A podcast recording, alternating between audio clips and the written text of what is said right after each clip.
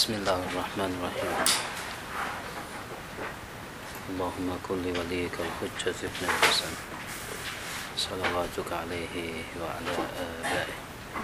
في هذه الساعة وفي كل ساعة وليا محافظا وقائدا وناصرا ودليلا وعينا حتى تسكنه عندك وتمتعه فيها طويلا برحمتك يا ارحم Assalamualaikum warahmatullahi wabarakatuh Pada pembahasan sebelumnya Di sesi yang ketiga Keempat Yang sebelumnya sekarang keempat Yang sesi ketiga yang lalu Kita membahas tentang Bagaimana perasaan yang ditimbulkan oleh pikiran ya. Kita sering menganggap bahwa perasaan semata-mata sesuatu yang berdiri terpisah dengan pikiran ya. Kita sering kali hanya memandang dia adalah dua sesuatu atau dua sesuatu yang dihubungkan ya. kita tidak mengenal konsep dualitas. Setiap dua pasti kita harus cari perhubungannya ya.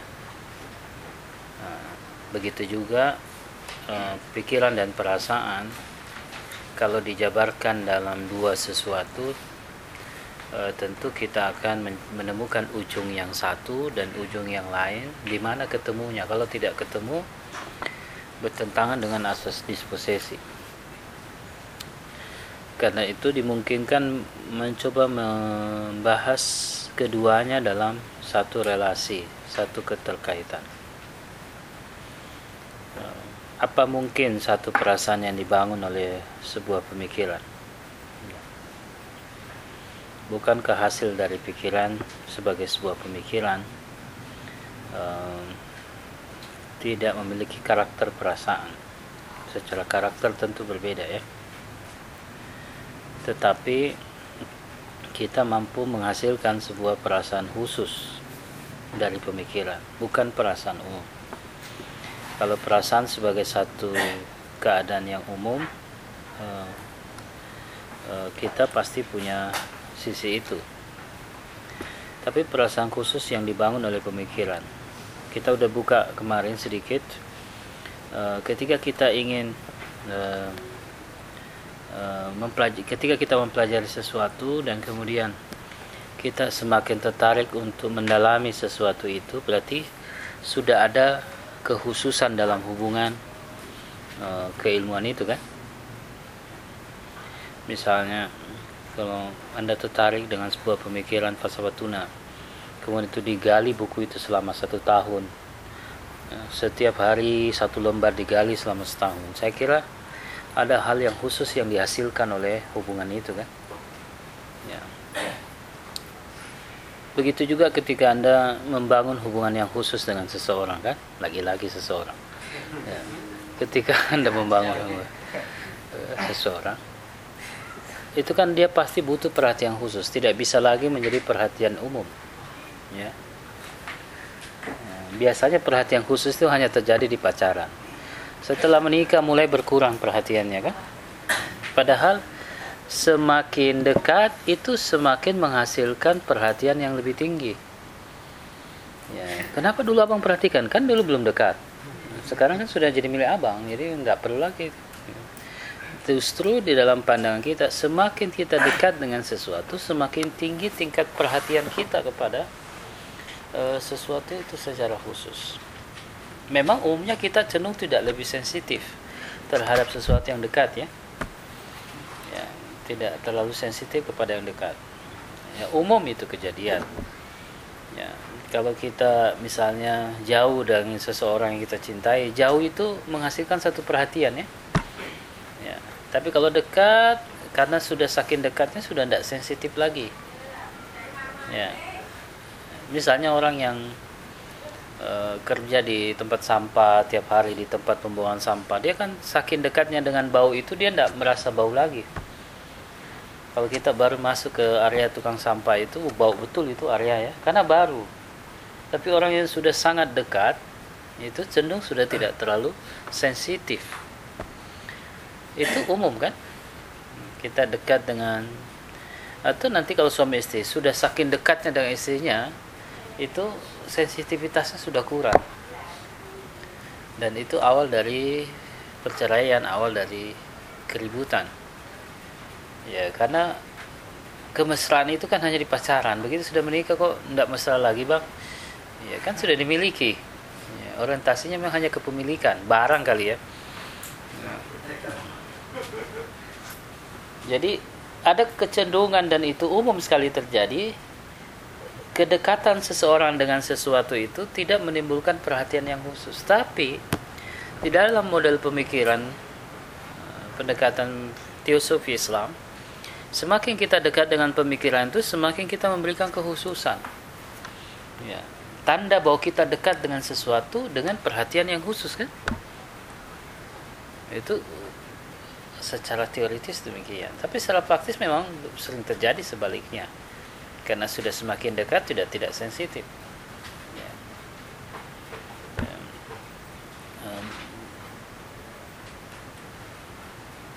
Padahal sebaliknya yang harus terjadi adalah kedekatan itu menghasilkan perhatian-perhatian yang khusus nah ilustrasi itu juga kita bangun dalam al-awatib al-fikriyah ini bagaimana sebuah perasaan yang dibangun oleh pemikiran.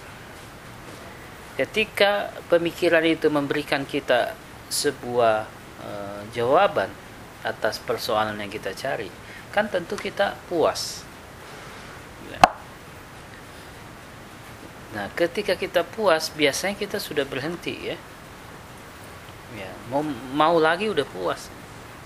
Ketika kita kehausan begitu minum, udah berhenti sudah ya. Ketika sudah minum ya terpenuhi kepuasannya. Kita tidak minum terus. Begitu juga lapar ketika kita lapar ya ketemu makanan ya kita sikat. Tidak makan terus. Begitu pada batasnya sudah cukup ya kita berhenti. Mau dipaksa juga sudah tidak bisa tapi di dalam pemikiran berbeda semakin kita mendekat semakin kita punya ketertarikan khusus dengan pemikiran itu jadi kita semakin ingin menggalinya. Bayangkan kalau falsafah tuna itu satu tahun dikuliti. Ya. Tentu ada hal yang khusus kan di situ. Kalau setelah WE pulang kemudian kita taruh dapat sebetulnya disentuh sekali setahun kan lain. Sama dengan Quran. Kalau kita punya perhatian yang Quran, eh, tiap hari kita buka Quran itu ya. Setiap hari.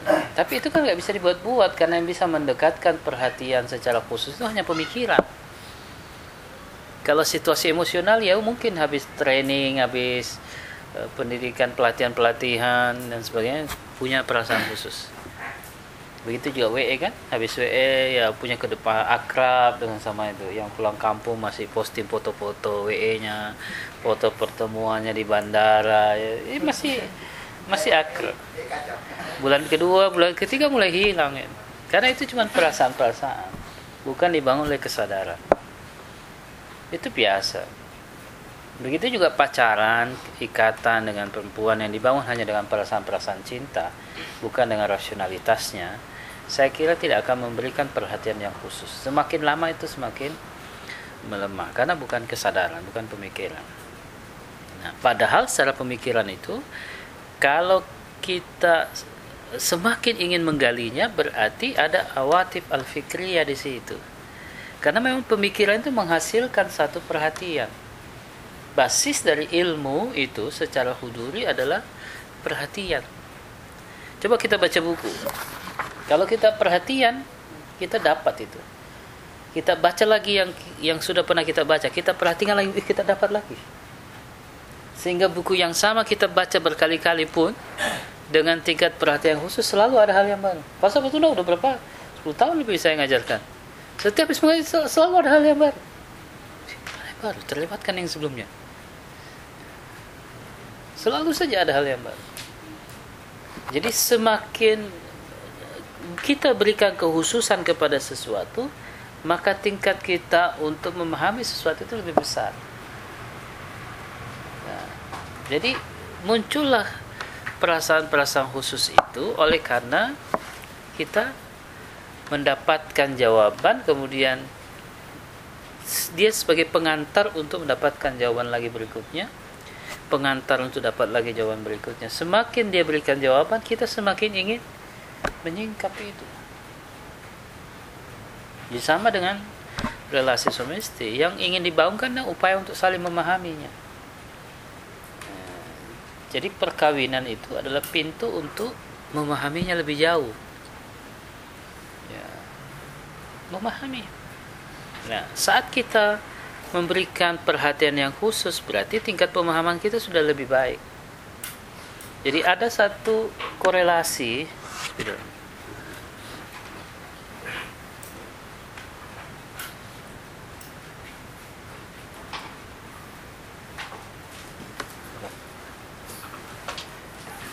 ada satu korelasi. Atau relasi korelasi korelasi hubungan antara perhatian yang khusus ya, dengan perasaan yang perhatian yang khusus itu kita sebut saja perasaan yang khusus juga gitu ya.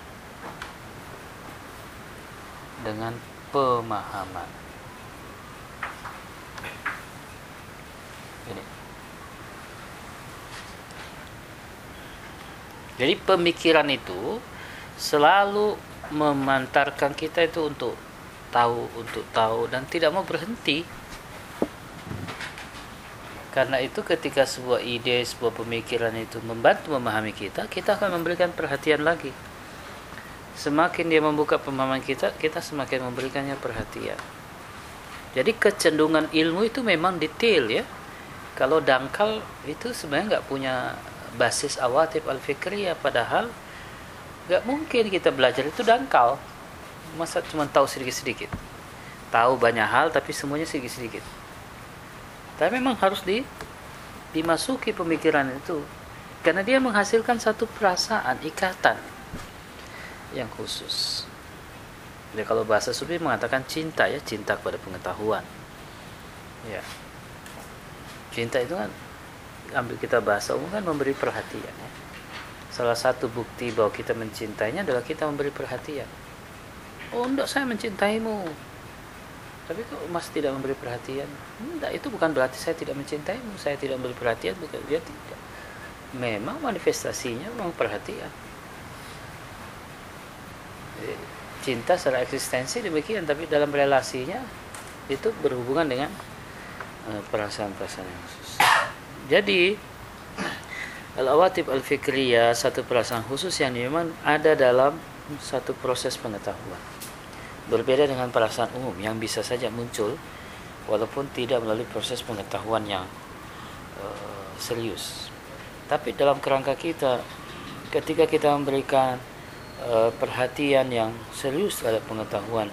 Kemudian kita dapatkan jawaban. Kita terus akan menggalinya. Sehingga ikatan kita dengan ilmu itu semakin uh, spesifik. Itu kira-kira gambaran. Kalau ditarik dalam teosofi dalam sufisme disebut cinta ya. Orang mencinta itu berarti dia ingin memahami walaupun dia mengakui mencinta tapi tidak memahami sebenarnya itu bukan cinta. Karena cinta itu yang dibutuhkan adalah perhatian pemahaman ya. dan itu bentuknya memang bentuk-bentuk yang ada yang hadir yang dapat dipersepsi secara ilmiah. Karena memang dasar objektifikasi itu ilmiah kan e, material. Jadi begitu yang namanya perasaan yang khusus memang didapatkan dari tingginya perhatian dari ilmu itu. Tingginya perhatian dari ilmu itu memang karena ada ikatan secara khusus antara perhatian itu dengan pemahaman. Perhatian itu adalah basis dari salah satu ilmu yang disebut ilmu huduri. Jadi korelasinya bertambahnya tingkat pemahaman itu bertambahnya tingkat perhatian kita. Kalau e, kita mendapatkan pemahaman yang baru dari sesuatu, tentu kita tertarik dengan sesuatu itu kan? Ya. Misalnya kalau dianggap bahwa Bakir Sadil memberikan satu tawaran yang baru dari sebelumnya, tentu kita tertarik untuk menggalinya. Kalau itu memang kenyataan seperti itu, maka terus kita tidak akan berhenti untuk menggalinya. Nah, ilustrasi itu begitu juga yang kita sebut Islam. Kita tidak berhenti untuk menggali.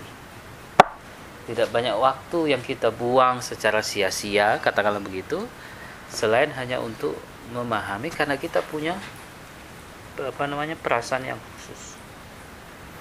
Nah, bedakan dengan perasaan yang umum. Perasaan yang khusus ini dibangun karena adanya satu pemahaman yang keluar dari model pemikiran itu, kemudian itu menjawab permasalahan kita, kita mendapatkan satu tingkat tertentu kepuasan, tapi kemudian kita ingin terus menggalinya karena kita ingin terus merasakan kenikmatan dan kepuasan itu. Maka kita terus menggalinya. Ya.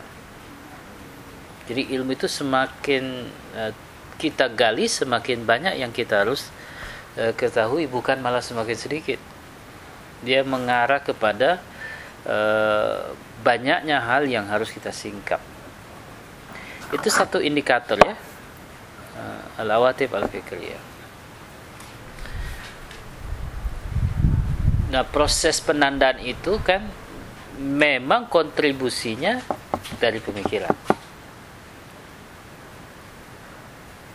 Karena itu kita mengevolusikan perasaan-perasaan manusia secara khusus ya kepada e, gerakan itu dengan membangunkan pemahamannya. Itu saja paling penting. Karena pemahamanlah yang memiliki relevansi dengan perasaan. Apalagi selain bahwa pemahaman itu memiliki relevansi dengan perasaan, apalagi bahwa perasaan ini secara khusus itu bisa dibangun dari sebuah pe pemahaman. Apalagi pada tingkat begitu indikator dari sebuah pemahaman itu menghasilkan perhatian khusus adalah sejauh mana minat dan perhatian kita untuk menggalinya. Kita nggak bisa tenang ya, terus buka bukunya kita terus ingin memahaminya. Itu sebuah ikatan-ikatan batin yang sudah bersifat khusus kan? secara faktual saya kira kita bisa melihat banyak orang yang uh, studi dalam bidang tertentu kemudian dia mencari literatur yang terkait dengan bidang itu kan? Saking tertariknya. Kenapa bisa begitu karena sudah ada perasaan yang khusus dan kemudian dia memberikan perhatian Perasaan khusus ini dibangun dari mana?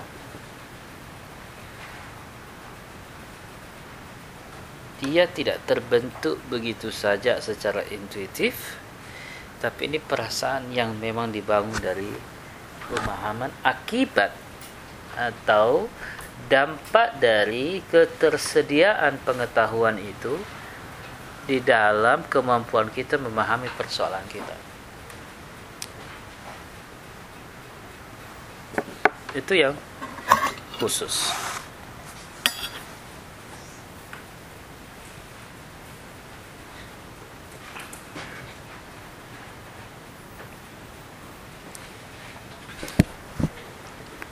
jadi perasaan yang dibangun dari pikiran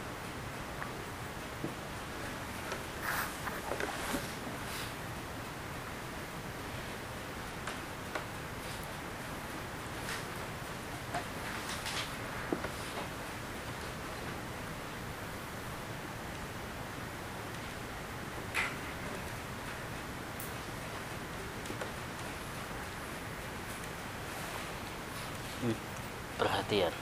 Perhatian ini huduri ya sifatnya. Huduri ini langsung.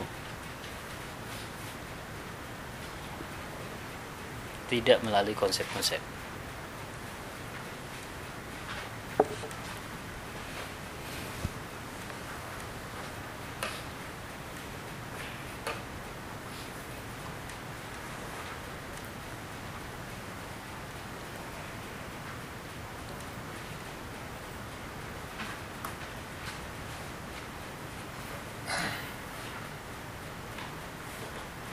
semakin pengetahuan itu menambahkan kepada kita pemahaman semakin kita memberikan perhatian dan porsi yang khusus terhadap pengetahuan itu.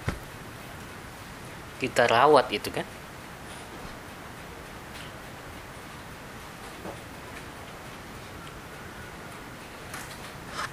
Ada yang sakit?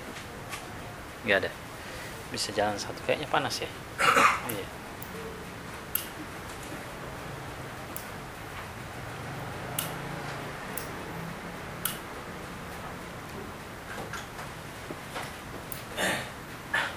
setengah mati nih musim hujan tidak jelas ya. Panen petani-petani gagal panen. Kali Usman kali Usman tanam coklat ya. Tidak sensitif air itu. Kalau padi ini banyak yang rusak lombok. Lombok 115 120 per kilo nanti orang berlomba-lomba tanam jatuh jadi 15 ribu. Baru diambil lagi tengkulak. Baru dikasih naik lagi permainan semua. Ada delapan perusahaan besar yang main ini lagi di lagi diambil di investigasi sama polisi. Delapan yang membuat ini permainan harga. Itu dihukum mati saja itu itu itu. Luar biasa kasihan orang. Bagi orang bugis tengah mati nggak ada lombok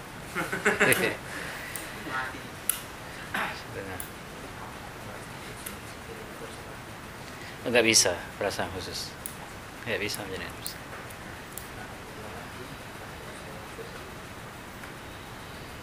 Iya, karena kita bicara gerakan ini kan dia semakin spesifik, tidak semakin umum. Yang semakin umum itu pengetahuan. Tapi gerakan itu semakin spesifik. Kan perasaan kita kepada Tuhan kan masih umum ya. Nanti semakin khusus itu perasaan-perasaan itu. Umum saja, merasa dekat, ya umum. Padahal kita bisa lebih dekat merasa dekat dengan perempuan daripada Tuhan ya. Ketika perasaan khusus Tuhan itu ada di situ di perempuan. Seandainya kosmologi menarik. Nah, iya, kalau kita kan oh, ini kau itu lebih dekat kepada istrimu daripada Tuhanmu. Ya memang kita tidak punya perasaan khusus dengan Tuhan, memang lebih dekat sama. Di situ Tuhannya berarti. Di situ ada yang khusus. Daripada capek-capek mau ambil perasaan umum ya cari di sini. Kan di situ bersembunyi ya. kalau tidak ngapain Adam tinggalkan surga menuju ke Hawa? Kan ada yang khusus kan di situ.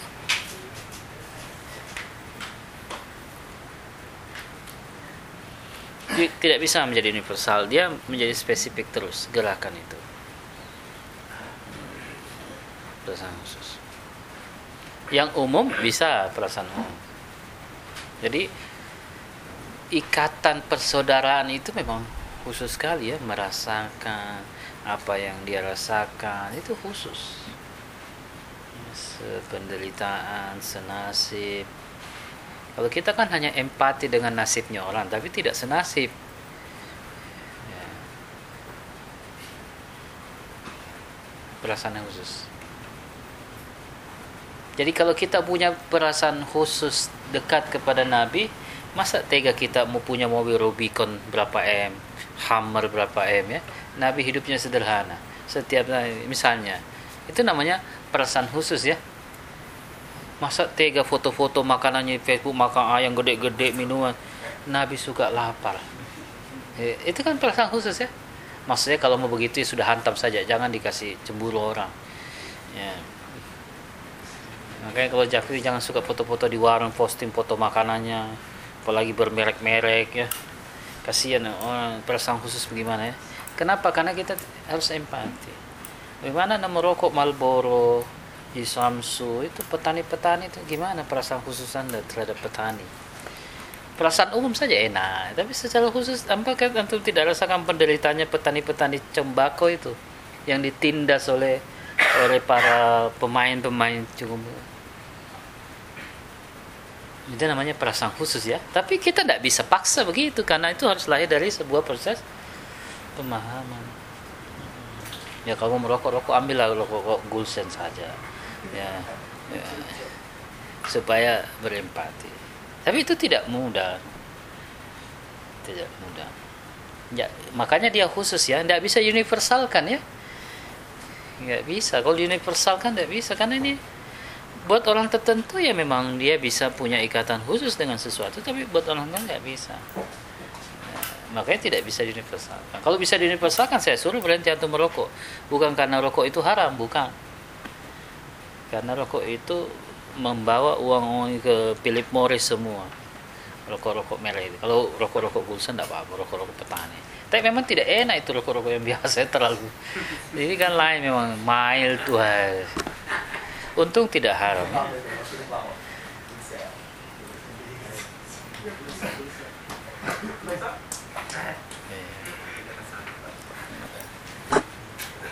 banyak di sini rokok-rokok yang Bisa dipahami? Tidak bisa universal perasaan khusus ya. Tidak bisa kita samakan perasaan khusus kita, perasaan saya bahwa saya merokok itu sebenarnya adalah perlawanan. Kita harus melawan kapitalisme rokok ya. Nah, bahkan anggota dewan itu tidak berani ketok palu undang-undang tembakau karena permainan cukong-cukongnya penjual rokok. Karena cukai rokok itu 135 triliun. Lebih banyak daripada pajaknya privat memang besar itu rokok tapi ingat luar biasa itu. Uangnya dipakai di mana? Siapa yang ambil keuntungannya besar? Kalau mau kita bikin perusahaan rokok sendiri ambil itu kan? Nah itu bisa kembali ke rakyat. Hmm. teman saya manajer area Haji e, Sampurna di Surabaya. Itu di wilayah satu kelurahan saja. Itu kelurahan apa kecamatan? Itu jual rokoknya 7 miliar hasilnya untuk satu bilang itu namanya Sampurna kan sudah branding kan? Rokok-rokok mah. Itu di area manajer dia di wilayah satu kecamatan nggak salah. Itu satu bulan 7 m. Bayangkan itu orang Indonesia perokok. Kalau diganti dengan rokok-rokoknya petani-petani bisa bisa kaya raya itu petani. Begitu juga kita minum itu kan saya mati minum aqua ya merek aqua. Nah, makanya saya nggak mau pakai galon-galonan masa air saja. Aqua lagi. Lebih mahal aqua daripada bensin. Hampir sama harganya. Ya kan? Air lah kalau mau itu sambung saja pipa langsung dari gunung itu sebagaimana di Eropa kan? Sambung ke rumah-rumah. Masa air kita kita beli betul-betul kita nggak punya kedaulatan. Air nggak punya kedaulatan energi. Nggak punya. Tapi ya ini juga tidak mudah. Nggak mudah. Kita nggak mau sederhanakan. Tapi ke depan kita kayak privat ini alhamdulillah. Sekarang mudah-mudahan bisa berdaulat Indonesia. Nggak boleh diatur sama privat ini kayak Venezuela dulu. Didenda Venezuela. Enggak enggak apa-apa. Denda saya juga nggak mau bayar. Ini tanah saya. Waktu itu siapa yang meninggal itu Eh, Venezuela, Hugo Chavez. Kan clear ya. Iran. Nuklir. Eh kenapa kami? Apa salahnya bikin teknologi nuklir? Ya? Kami tidak bikin ini. Anda juga punya nuklir. Kalau Anda punya, kenapa kami nggak bisa punya? Eh, teknologi kami untuk nuklir, untuk teknologi murah sekali.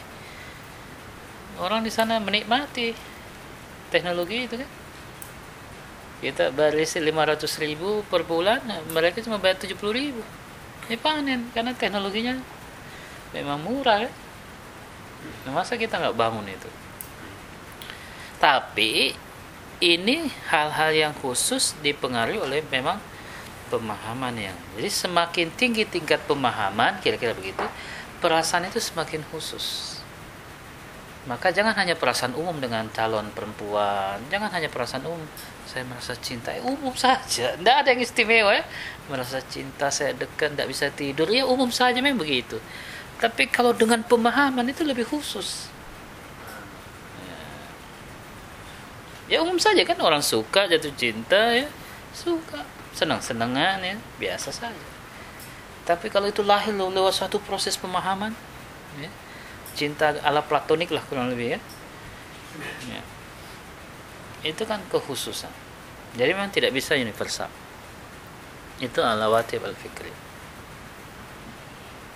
itu memang ada dihasilkan oleh pemikiran.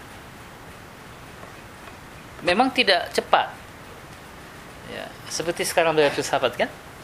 Masih setengah mati tidak apa-apa berlatih saya juga belajar dulu sampai muntah-muntah sampai mau paham tidak ngerti-ngerti saya baca berapa kali. Bisa sampai 10 kali sampai mau muntah. Saya minum Coca-Cola satu liter satu hari. Kemudian kopi. Supaya bisa konsen kan? Kan saya tidak merokok. Jadi kopi sama Coca-Cola. Karena betul sampai mau muntah itu. Karena berat kan belajar itu. Nah itu itu hanya bisa di, di, didapatkan lewat satu proses pemahaman. Itu memang kunci struktur yang kemarin kita katakan itu kan. Ada prinsip yang benar, ada pemahaman yang benar dan ada keimanan. Nah, pemahaman ini yang selalu kita harus apa sebenarnya itu pemahaman? Apa apa sebenarnya pemikiran itu? Apa sebenarnya akal itu kan? Akal nanti pada puncaknya itu yang dipakai beribadah jadi yang beribadah itu akal kita nanti. Yang tunduk itu kan akal kita. Ma'ubida bihir rahman wa uktu sibabihil jinan. Itu akal yang patuh, akal yang taat. Itu hanya bisa didapatkan lewat uh, pemahaman dan pemahaman ini yang menghasilkan perhatian dan apa namanya dan dari situ lahirlah eh, perasaan-perasaan yang khusus ikatan-ikatan. Sama dengan berbisnis. Kalau kita nggak punya passion dengan bisnis itu, ya kita sudah cari uang, nggak ada istimewanya. Tapi kalau kita punya kekhususan dalam pilihan-pilihan kerjaan itu, kita akan uh, tidak berhenti kan, karena kita punya jiwa, punya passion dalam pekerjaan ini. Jadi nggak bisa universal, memang begitu. Karena memang di realitas itu ada yang partikular, ada yang universal perlu bangun itu perasaan jelas itu? Oke kalau jelas kita masuk ke materi berikutnya yang keempat. Yaitu Islam dan tanda-tanda pokok. Di dalam gerakan sebagaimana dalam al-watib al-fikriyah uh, kita punya zauk nanti secara khusus dengan gerakan ini karena kita punya pemahaman ke mana gerakan ini Oh iya ya, asal jam 3 ya. Saya lupa. Saya minta waktu 15 menit ya. Nanti setelah azan saya jelasin 15 menit aja. Kita selesaikan azan.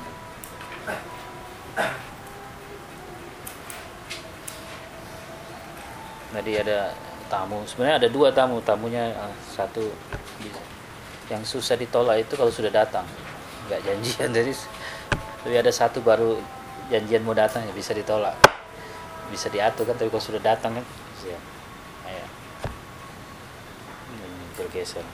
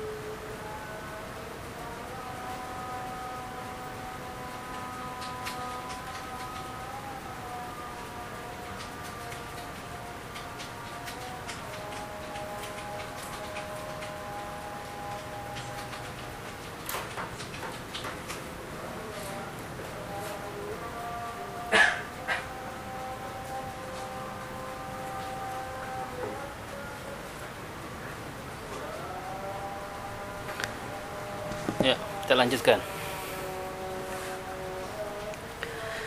Uh, jadi awati fikriya udah pasti uh, ada satu perasaan yang khusus dalam pemikiran itu yang memang hanya bisa didapatkan lewat pemahaman. Sedangkan perasaan yang terpisah dari pemahaman itu bukan yang awatif al-fikriyah ya. Dan begitu juga nanti ketika kita membangun perhatian, kasih sayang dengan lawan jenis kita, tentu kita mau punya perasaan yang khusus itu. Kalau perasaan umum itu umum saja artinya bisa berpindah kepada yang lain-lain. Tapi kalau perasaan khusus memang spesifik karena kita memahami uh, apa dibalik dari hubungan-hubungan itu. Tanda dari atau indikator bahwa itu adalah perasaan khusus, kita semakin ingin memahami sesuatu itu. Kalau berhenti ingin memahami itu bukan perasaan yang khusus. Nah, ciri ilmu itu kan begitu. Kita ingin terus belajar, kita ingin terus memahami. Nah, itu sudah mendapatkan zauknya, perasaan khususnya. Zauk namanya kalau dalam tasawuf. Zauk ya, bahasa khusus. Nah, pada eh, sesi apa namanya pembahasan yang keempat ini kita ingin melihat tanda-tanda uh, bagaimana Islam itu hadir dalam sebuah kerangka pemahaman ya yang dikaitkan uh, pikiran yang dikaitkan dengan perasaan itu. Tanda yang paling pokok dalam pandangan dunia Islam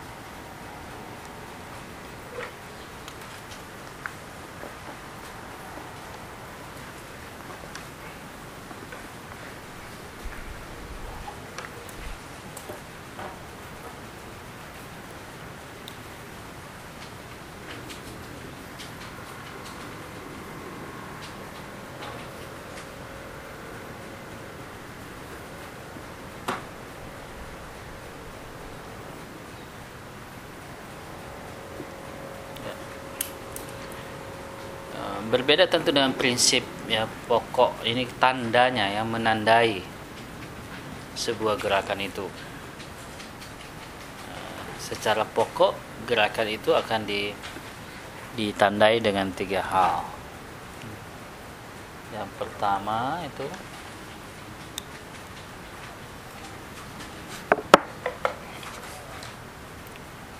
sifat gerakan yang rasio, uh, yang spiritual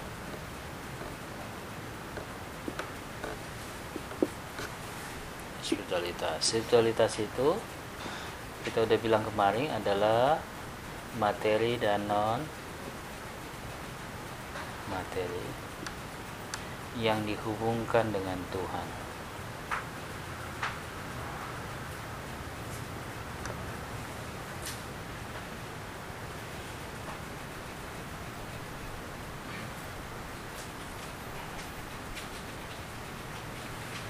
Jadi pandangan spiritualitas bukan hanya sisi yang non material ya, tapi juga sisi materialnya. Itu pandangan spiritual. Jadi relasi-relasi dalam e, gerakan itu ditandai dalam kemampuan untuk juga mengembangkan ini hal-hal yang material. Pencapaian-pencapaian material bukan hanya sisi non material yang dikaitkan dengan Tuhan. Kalau spiritualitas dalam arti non material yang dikaitkan dengan Tuhan kita mengatakannya batin. Spiritualitas yang material dikaitkan dengan Tuhan yang kita sebut lahir kan. Kita mengatakan kemarin bahwa spiritualitas itu adalah lahiriah dan batiniah. Jadi indikasi yang kita sebutkan di pembahasan sebelumnya tentang sebuah kebangkitan sebuah gerakan itu sangat jelas ditandai dalam hubungan dia secara spiritualitas dengan Tuhan melalui hal yang zahir material maupun yang batin atau disebut non material. Sebagai apa sebagai ikatan yang menyatukan. Ini disebut penyatuwo. Ini yang menyatukannya.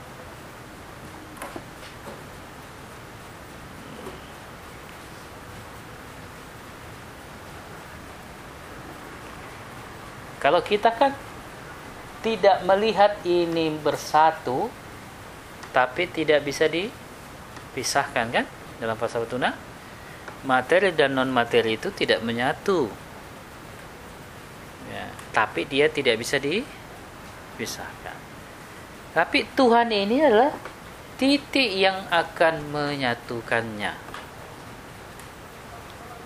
itu pandangan spiritualitas kalau pendekatan rasionalitas tentu tidak bisa kita gabung ya. Rasionalitas dibagi dua ya, ilmiah dan logis. Yang kita maksud rasio itu dalam pendekatan rasio.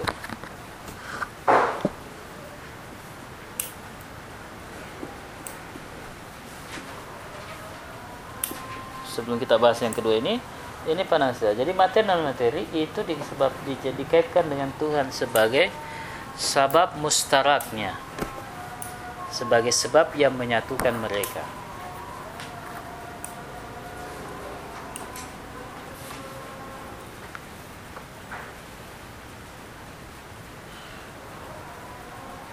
Materi dan non-materi adalah dua sesuatu yang tidak bisa disatukan. Sekaligus dia tidak bisa dipisahkan. Pada waktu yang sama dia tidak bisa dipisahkan. Islam menandai secara pokok, secara prinsip dirinya sebagai jalan penyatuan dengan Tuhan.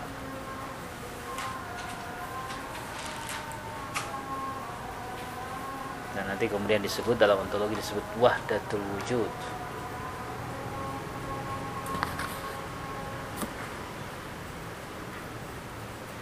Secara sederhana dalam gerakan itu seluruh orientasi kita secara material dan non material itu orientasinya diarahkan kepada satu tujuan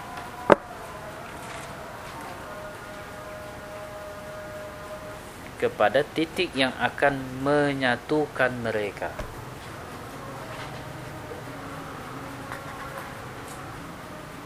tentu kita sekarang bertanya mengapa kita tidak kaitkan non materi dan non materi ini langsung ke Tuhan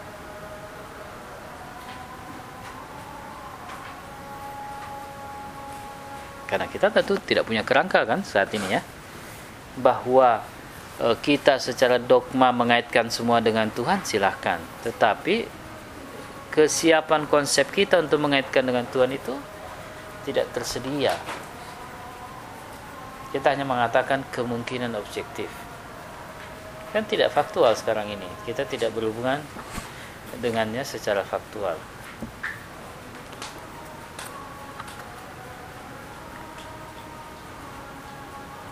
Jadi dalam konteks gerakan kita mendudukkan semua sisinya ya, lahir dan batin. Tetapi Allah lah yang akan menyatukannya. Kita hanya menyiapkan saja kondisi itu dalam gerakan. Bagaimana kondisi lahiriah dan batin kita ini uh, memungkinkan untuk menerima rahmatnya Allah Subhanahu wa taala. Misalnya begini. Biar kita sudah khusuk mengkaji filsafat. Tapi kalau kita sudah tidur juga di saat subuh, ya tidak tersedia syarat lahirianya kan? Atau biar kita sudah siapkan bangun sholat subuh juga, tapi kalau secara batin kita tidak memahami ya, kandungan-kandungan filosofinya juga tidak ada gunanya kan? Jadi kita perlu menyiapkan dua sarana kita ini lahiriah dan batin. Untuk apa? Untuk menyambut datangnya Tuhan.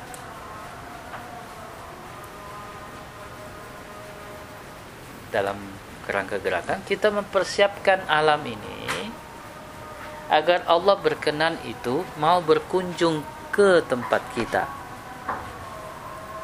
Tapi kita nggak bisa paksa kan? Siapa pun kan kita nggak bisa paksa orang datang kepada kita.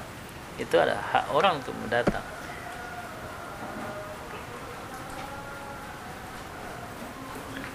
Bagaimana kira-kira agar sabab mustarak ini dalam gerakan ini mau datang menjadi bagian dari gerakan kita?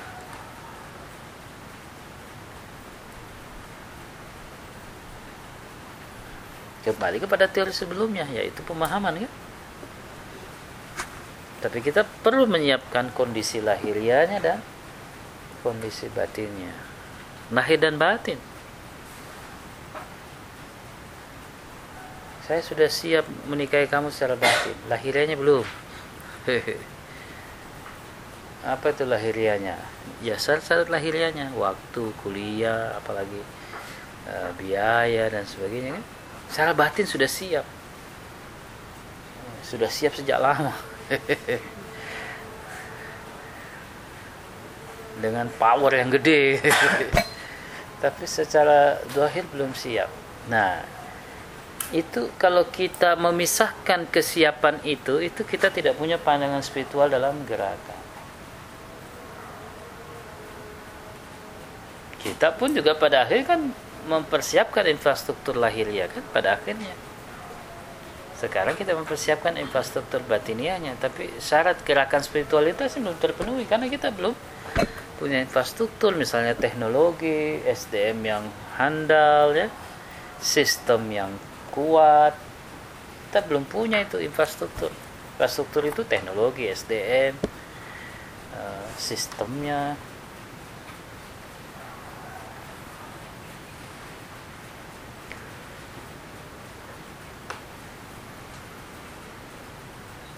Kita mau lawan Freeport dengan demonstrasi. Tidak siap. Freeport uangnya berapa triliun, demonstrasi minta sumbangan untuk demo. Baik-baik saja ya kita tidak menolak. Kita bicara gerakan ya. Tidak ada gunanya. Kalau kita bicara gerakan. Bicara demokrasi baik ya. Itu penting. Tapi dalam konteks gerakan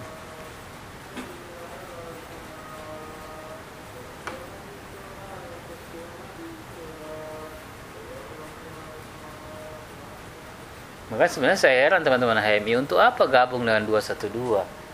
HMI lebih siap secara infrastruktur untuk melakukan kritik terhadap penguasa ya secara masif. Tidak perlu gabung-gabung dengan kelompok-kelompok intoleran ini. Sangat siap.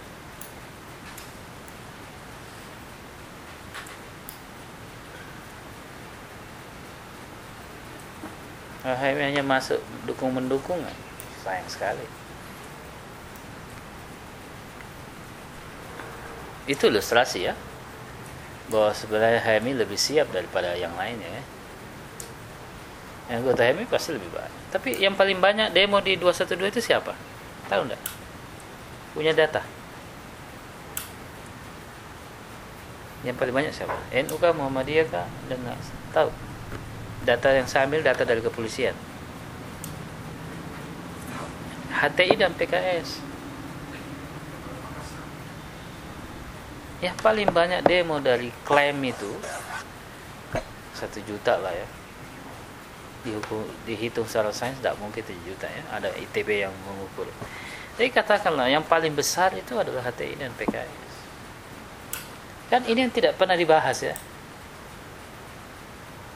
Apakah itu merepresentasikan umat Islam atau itu HTI dan PKS itu paling besar dan yang bermain dalam data kepolisian itu adalah HTI. Kalau benar data polisi ini kan clear bahwa ini adalah permainan khilafah. Dipakailah orang-orang ini. Kenapa? kan HTI lebih siap kan untuk mendrop SDM-nya. Mau berapa saja kalau HTI itu? Tidak tahu tiba-tiba masanya dari mana. HMI cari kader setengah mati, atau HTI muncul 100 demo 200 banyak betul, akhwatnya banyak betul. Dari mana kira-kira itu ya? Kita sering bingung tiba-tiba banyak. Tapi kita hormati hak dia kan juga untuk berorganisasi dan sebagainya.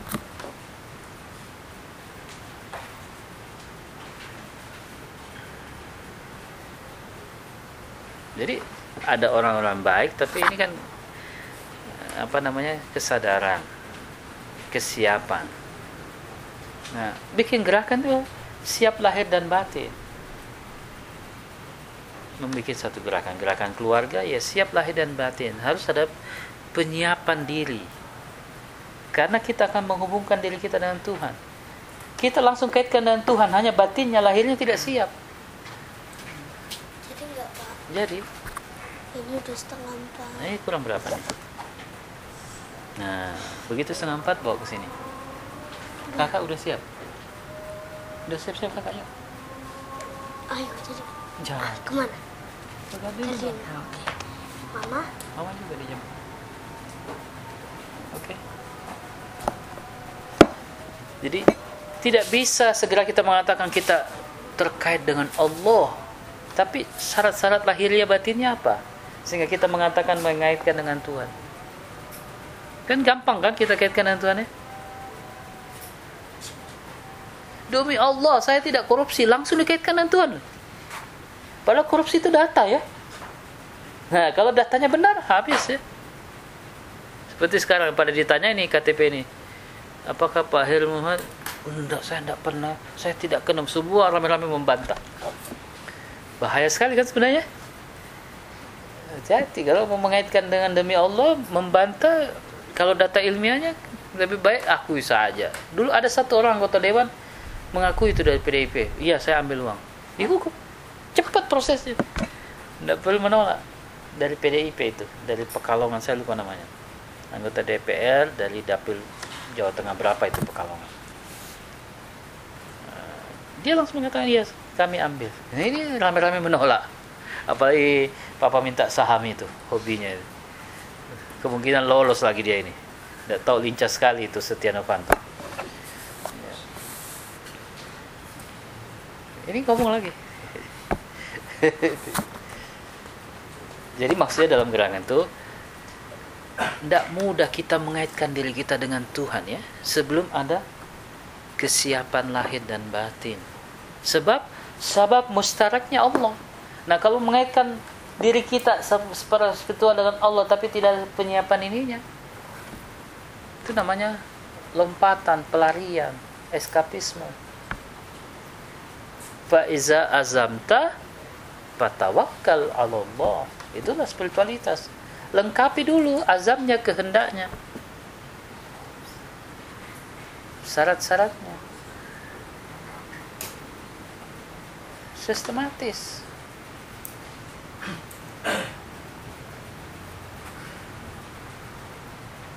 Kita tidak bilang berapa ap, kelengkapan itu apa saja itu yang penting kita sudah meng- mengukur syarat lahiriahnya dan syarat batinnya. Ketika kita sudah berkeluarga, syaratnya secara lahiriah harus siapkan waktu buat keluarga. Gak bisa lagi menjadi seorang aktivis ketika sudah keluarga. Kalau dia bawa gaya-gaya aktivisnya, istrinya ditinggal di rumah. Gak bisa lagi. Gak bisa lagi ini saya berjuang ini. Ya berjuang berjuang pak. Ini cari uang kita mau makan nanti malam. Apa mau dimakan ini? Nggak usah bicara berjuang berjuang. Ya ya masa kita mau terus bergantung berutang? Ini kan syarat lahiriah dan bukan kita bilang harus kaya tapi syarat ya. Syarat itu nanti masing-masing kondisinya beda-beda kan? Tergantung relasi-relasi kita. Tapi dalam gerakan tidak mudah mengaitkan spiritualitas itu dengan Tuhan. Padahal spiritualitas itu adalah hubungan segala hal secara lahir dan batin dengan Allah. Tapi kalau ini tidak didudukkan,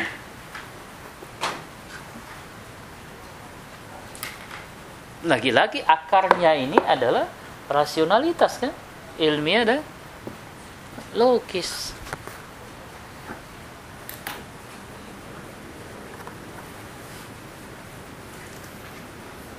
Saya tidak mengatakan ini mudah, tetapi kita harus berusaha semaksimal mungkin meletakkan syarat-syarat lahiriahnya dan syarat-syarat batin.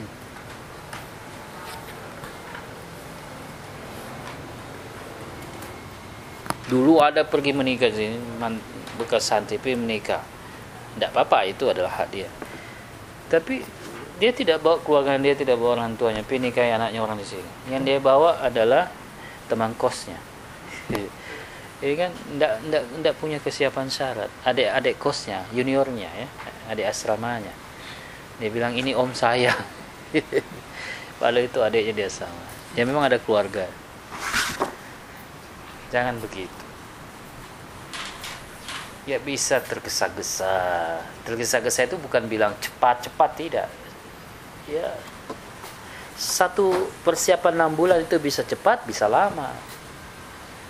Bukan lama diukur dari waktu itu tapi dari kondisi penyiapan ini bicara gerakan prasyarat-prasyaratnya perlu dilengkapi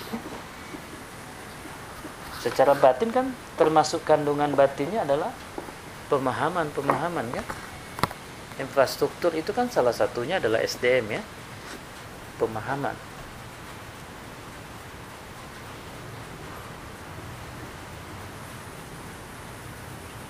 Nggak bisa common sense. Sama memengkondisikan mendekat kepada Allah tapi tidak mengkondisikan tubuhnya. Makan selalu indomie terlalu banyak karbohidratnya kurang buah kurang sayur kopi terlalu banyak begadang sampai malam. Ya syarat-syarat lahiriahnya untuk dekat kepada Allah tidak terpenuhi.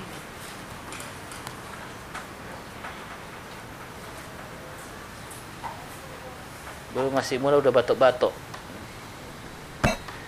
Dan sebagainya. Itu syarat penting dalam gerakan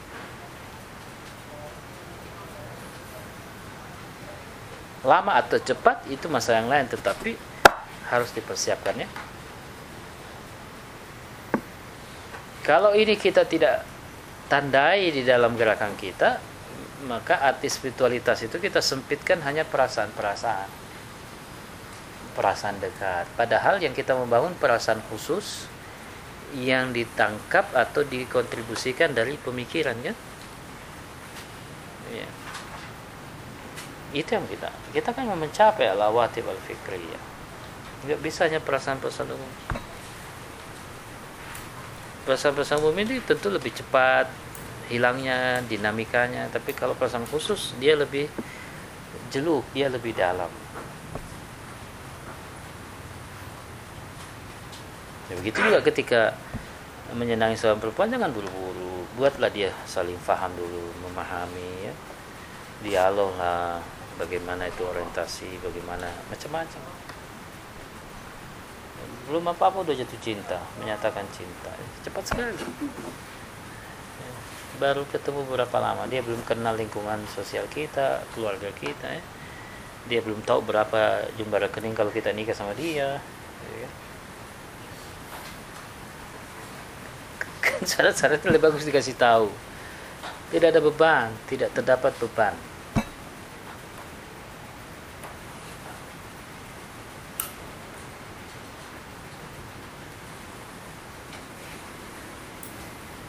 jadi spiritualitas itu sesungguhnya bisa diukur bisa dibangun landasan-landasan objektifnya. Jangan bikin bicara spiritualitas merasa dekat. Itu merasa dekat.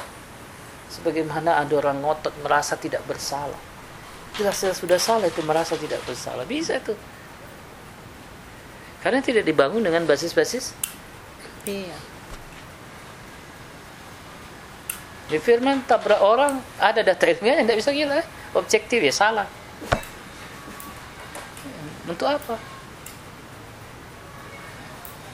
Eh, bisa jadi yang nabrak firman itu juga sebenarnya kalau dia ngot tidak ngotot dia juga bisa tahu kesalahannya kan? Kan urusan gesek-gesek mobil itu kan urat leher. Kenapa urusannya nanti dibayar? Soalnya lecet sedikit dibayar nanti satu juta ah lumayan dapat satu juta atau kalau mobilnya asuransi kan coba itu bisnis bisnis rental mobil itu paling senang kalau mobil datang ditabrak karena kita akan bayar Padahal dia asuransi kan. Kita akan bayar termasuk bayar mobil itu selama tidak dipakai per hari. Komponen bensin. Itu permainan rental-rental mobil. Karena dia sudah mengasuransi. Mobil saya apa, sudah ada masalah karena sudah diasuransi.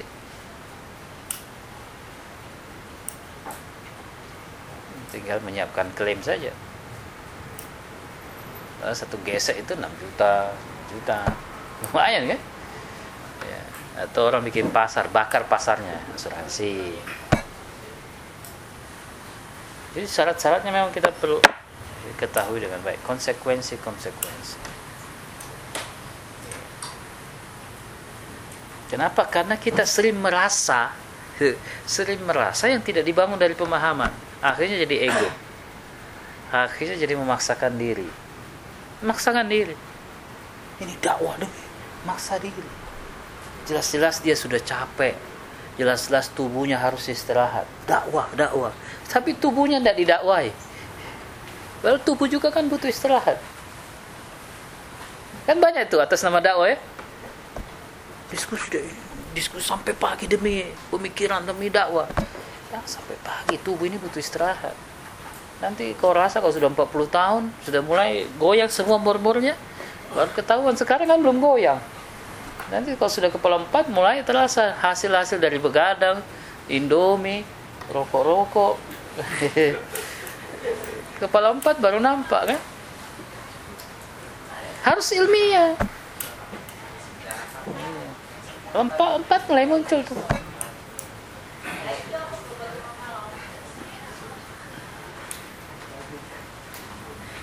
Ini kita mau bicara spiritualitas dengan Tuhan, tapi syarat-syarat ilmiah lahir dan batinnya kita tidak bahas. Padahal sabab mustaraknya semua memang ada sabab mustarak Allah, tetapi dia menjadi dasar untuk dikaitkan dengan Tuhan Allah Subhanahu Wa Taala. Kemudian yang kedua, tolak ukurnya jelas ilmiah dan logis. Itu gerakan. Kalau gerakan itu common sense ya, bangun semangat luar biasa tapi dia tidak punya data sama juga tidak ilmiah ya kita harus punya data di samping logika udah pasti tapi sifat rasional dari sebuah gerakan itu ditandai dari karakteristik ilmiah. Tidak common sense. Kalau yang pertama spiritualitas ini kita kaitkan dengan sabab mustaraknya. Sebuah gerakan yang mengaitkan diri dengan Tuhan ya gerakan keagamaan maksudnya ya, maka dia harus memiliki penyiapan lahir dan batin karena itu bukan sesuatu yang dianggap terpisah dalam pandangan spiritualitas Islam.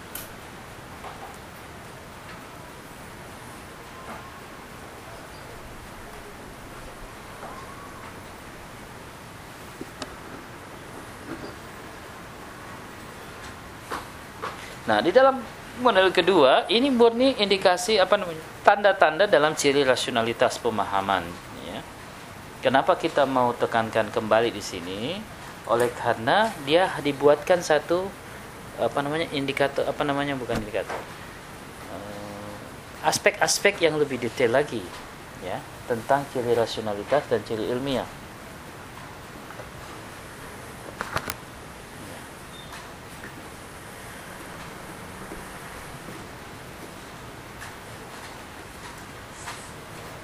Jadi kalau gerakan itu ciri ilmiahnya dia punya database. Nah, kita di sini kan belum punya database. Gimana kita mau bicara gerakan yang besar? Kita ciri ilmiah itu adalah dia punya database. Kemampuan untuk membuat basis data. Kalau logis ini dia membangun kurikulum kerangka, modul.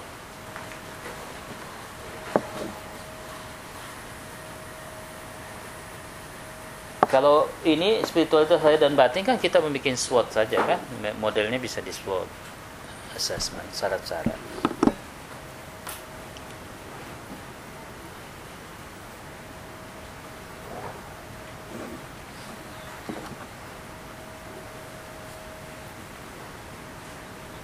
Jadi betapa pentingnya satu penandaan kepada database ya, sistem basis data. Yang kedua, kita melihat pada uh, aspek kurikulum ya, aspek uh, modul ya, buku seperti ini kan gitu ya. Tahapan-tahapan pembelajaran. Ini ciri yang penting dan mendasar dalam gerakan. Ini mempertajam pemahaman. Karena yang bagi yang prinsip yang benar, pemahaman yang benar, kemudian keimanan. Nah, ini yang dikembangkan pemahamannya kan? Nah, ciri rasio ini yang murni dikaitkan dengan sistem. Ya. Kalau spiritualitas ini pengaitannya kepada Tuhan. Ya. Rasio ini sistemnya. Spiritualitas ini hubungannya ya, kepada Allah Subhanahu wa taala. Dibangunlah syarat-syarat itu. Nah, semua itu ditopang oleh satu model. Belum. Sudah setengah empat. Oh ya sudah. Ayo. Iya. Ya, Kak Agis sudah siap. Suruh ganti baju Kak Agis. Ya. Kemudian yang terakhir.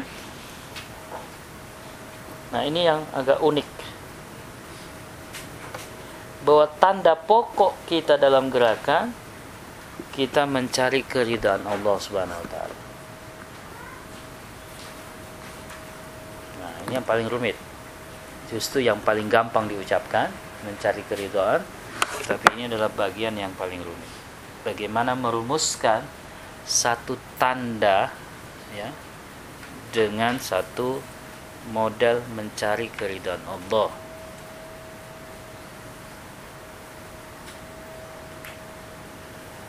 Dalam filsafat politik kalau jadi eh, malam Senin mungkin ya filsafat politiknya kita bahas kuliah umumnya nanti eh, kita akan bahas bagaimana eh, hubungan antara gerakan dengan keridhaan Allah itu seperti apa ya bukan hanya ridho ini dalam satu pengungkapan kita semata-mata mencari ridho Allah ya itu sulit ya tapi kita buatkan satu sistemnya bagaimana disebut bahwa gerakan itu telah memiliki tanda-tanda mencari keridhaan Allah Subhanahu wa taala. Itu yang akan kita bahas pada pertemuan berikut. Assalamualaikum warahmatullahi wabarakatuh.